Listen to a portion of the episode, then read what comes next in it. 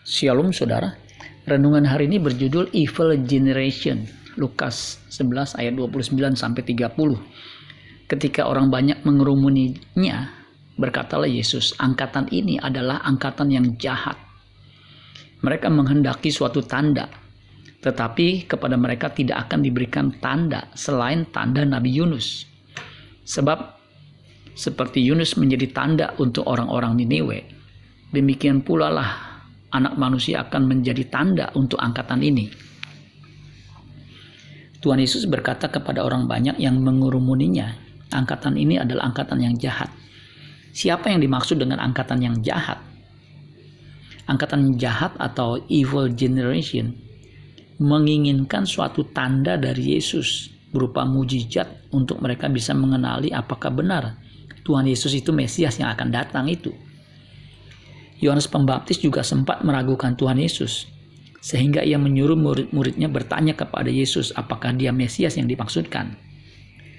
Padahal Tuhan Yesus sudah melakukan tanda-tanda ajaib.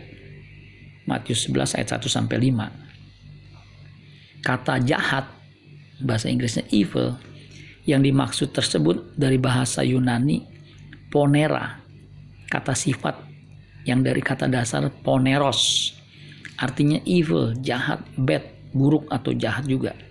Weak, weak itu jahat. Malicious, jahat. Slothful, lamban. Kata poneros didefinisikan sebagai bad nature atau bad condition. Tabiat atau keadaan yang buruk. Tabiat buruk atau keadaan yang buruk. Kata poneros berasal dari kata ponos yang artinya great trouble kesukaran yang besar, intense desire, hasrat yang kuat. Angkatan yang jahat untuk bisa diselamatkan harus bertobat sebagaimana penduduk Niniwe bertobat ketika Nabi Yunus memberitakan pertobatan. Tuhan Yesus lebih dari Nabi Yunus. Ia juga datang untuk menyampaikan Injil Allah, yaitu berita pertobatan.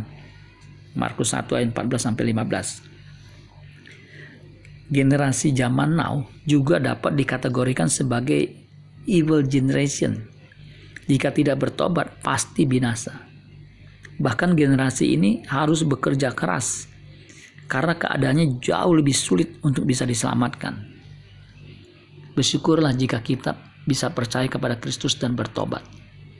Amin buat firman Tuhan. Tuhan Yesus memberkati. Sola Gracia.